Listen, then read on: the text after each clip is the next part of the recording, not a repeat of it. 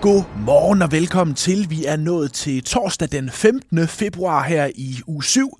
Overskrifterne dette døgn præges af Sanjay Shah kryptosvindel, unges opsparinger, inden vi slutter med uh, Trump. Mit navn er Lasse Ladefod. Her er dit overblik, din briefing. Den store svindelsag mod briten Sanjay Shah tog øh, lidt af en drejning onsdag. En mand, der sammen med Shah er tiltalt for at svindle den danske statskasse for 9 milliarder kroner, vil tilstå på et kommende retsmøde. Det skriver Finans. Oplysningerne bekræftes af mandens advokater, der tale om en anden brite 52-årig Anthony Mark Patterson. Han skal for en dommer 26. februar, hvor det altså nu er forventning, at han vil erkende sig skyldig. Og det kan blive helt afgørende for sagen mod Sanjay Shah, det siger advokat Hans Fogdal. Han siger, at hvis man har en medtiltalt, som lægger hovedet på blokken, så har man som anklager et gevaldigt godt udgangspunkt, siger den tidligere anklager til Finans. Den danske anklagemyndighed har samlet rejst eh, tre straffesager mod ni mænd, der ifølge anklagen har svindlet de danske skatteborgere for 12,7 milliarder kroner i perioden 12 til 15. Til dagens forside af børsen. Den tidligere departementchef og Forsvarets efterretningstjeneste analytiker Mikkel Mørk er siden blevet en af de mest markante danske stemmer på den internationale scene for kryptoinvesteringer.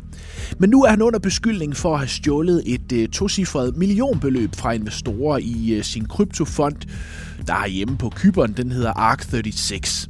Det bekræfter Københavns politi over for børsen. Man efterforsker lige nu sagen, men har ikke flere kommentarer.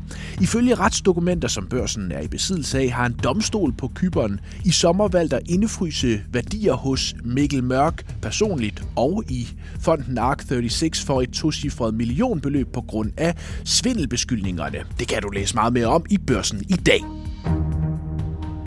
Shipping-kunderne kan lige så godt forberede sig. Krisen omkring det røde hav kan meget vel strække sig ind i halvår, andet halvår 2024. Sådan lyder det fra AP Møller Mærsks nordamerikanske chef Charles van der Steen over for øh, amerikanske CNBC.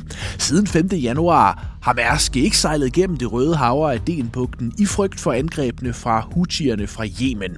Det er en krise, der sidenhen også har udviklet sig militært, og hvor USA er blevet involveret.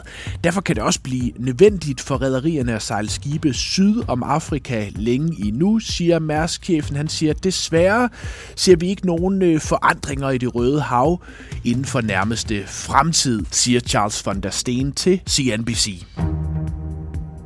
Vi skal til øh, torsdagens forside af Berlingske Business. Danske unge sparer alt for meget op til øh, pension fra en tidlig alder. I forhold til, hvor længe de kommer til at øh, arbejde, ja faktisk er der risiko for, at de slet ikke kan nå at bruge deres opsparing. Sådan lyder det for Troels Danielsen. Han er topchef i landets tredje største arbejdsgiverorganisation, Teknik Arbejdsgiverne. Han mener, der er tale om decideret generationstyveri. Mange unge kommer til at arbejde 50 år endnu.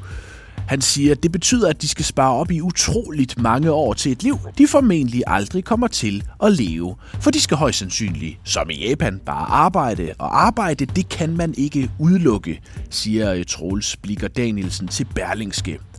Han mener også, det kan blive et samfundsproblem, for de store opsparinger vil i fremtiden tilskynde folk til at trække sig fra arbejdsmarkedet, så de kan komme i gang med at bruge deres pension. Og dermed stopper de med at være en del af jobmarkedet og også med at indbetale skatter, og det kan udfordre velfærdssamfundet, når den tid kommer. Der bliver stadig sendt øh, regnskaber ud fra de største danske børsselskaber onsdag efter lukketid på fondsbørsen galt det Genmap, den danske biotech-virksomhed, løftede onsdag sløret for forventningerne til 2024 her, som ikke er helt så dystre, som det var frygtet i dele af markedet. Genmap venter i år en omsætning på op til 20,5 milliarder kroner. Samtidig indleder man for første gang et aktietilbagekøbsprogram på 3,5 milliarder kroner. Hold øje med Genmap i børshandlen i dag. I USA og de amerikanske finansmedier har der været en del fokus på stifter af Amazon, Jeff Bezos. Han er på grund af sin ejerpost i Amazon verdens næst rigeste. Bezos han er ikke kendt for sådan bare lige at sælge ud af aktierne i sit livsværk, men det har han gjort den øh, seneste uge for samlet 4 milliarder dollar, altså omkring 28 milliarder kroner, som Bezos nu mere eller mindre står med i kontanter. Der er ikke rigtig nogen, øh, der ved hvorfor, men han flyttede for nylig fra øh, Seattle i Washington State og ned til Florida, hvor afkastskatten er lavere. Bezos han er stadig bestyrelsesformand i Amazon og ejer 9% af selskabet. Nu bruger han dog mest tid i øh, rumfartsselskabet Blue Origin og har også selv været en tur i kredsløb. Ja, selve Amazon-aktien steg 1,4 procent i går i et amerikansk aktiemarked, der i det hele taget var tilbage i form efter tirsdagens aktiefald. S&P 500 steg onsdag omkring en procent, krøb tilbage over indeks 5000. Nasdaq steg 1,3 procent. Flere øh, af tech-aktierne fik et lille comeback. Investorerne erkendt måske, at de overreagerede lidt på inflationstallet tirsdag, siger analytikere.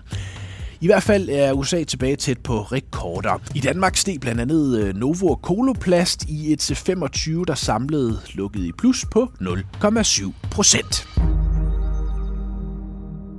Hvis du mangler noget godt at lytte til, altså efter briefingen her, så øh, er der en ny samtale-podcast ude nu. Lykkeberg og Corridon, hvor øh, chefredaktørerne fra Børsen og Information diskuterer tidens største dagsordner. I den seneste udgave kommer de blandt andet omkring Trumps store comeback som præsidentkandidat i USA. Rune Lykkeberg han har beskæftiget sig meget med Donald Trump. Vi kommer ind i samtalen, hvor øh, informationschefredaktør opriser grundelementerne i Trumps popularitet, som han ser dem. Grundfortællingen er ikke kompliceret. Den er, vores befolkning er blevet ændret på en måde, vi ikke har bedt om. Øh, ubegrænset indvandring har været godt for de rige, som fik billig arbejdskraft. Det har været godt for elite-universiteterne, som kunne trække de bedste i hele verden. Det har været, det har været, men det har været brud på den sociale kontrakt. Næste er, frihandel betød, at vi blev smadret. Kineserne snød os. Vi spillede efter reglerne. Vi var suckers, som Trump siger. Det gjorde de ikke. De lavede statsstøtte, så vi blev smadret. Tredje pointe er hos Trump, miljøregulering. The Clintons følger jo ikke miljøregulering. Det rammer alle de små virksomheder. Alle de små virksomheder bliver smadret. Jeg vil sætte jer fri. Øh, jeg vil sætte jer fri fra, fra, fra det regulering, der ødelægger jeres forretninger. Meget tæt på de europæiske traktorprotester. Fjerde ting er, at der sidder en masse grupper på eliteuniversiteterne. Igen er The Clintons ligesom ikonet på det. De vil fortælle jer, hvor mange køn der er. De vil fortælle jer, hvordan I skal tænke på race. De vil, de vil indrette hele jeres moralske verdensbillede. Jeg gider ikke høre på dem. Fuck dem. Fuck dem. Ja, masser af rask debat om øh, Trump, liberalisme, wokeness og meget andet i øh, Lykkeberg og korridoren, der hvor du lytter til podcast. Tak fordi du lyttede til den her briefing. Vi er tilbage igen i morgen tidlig. Indtil da, have en rigtig god torsdag.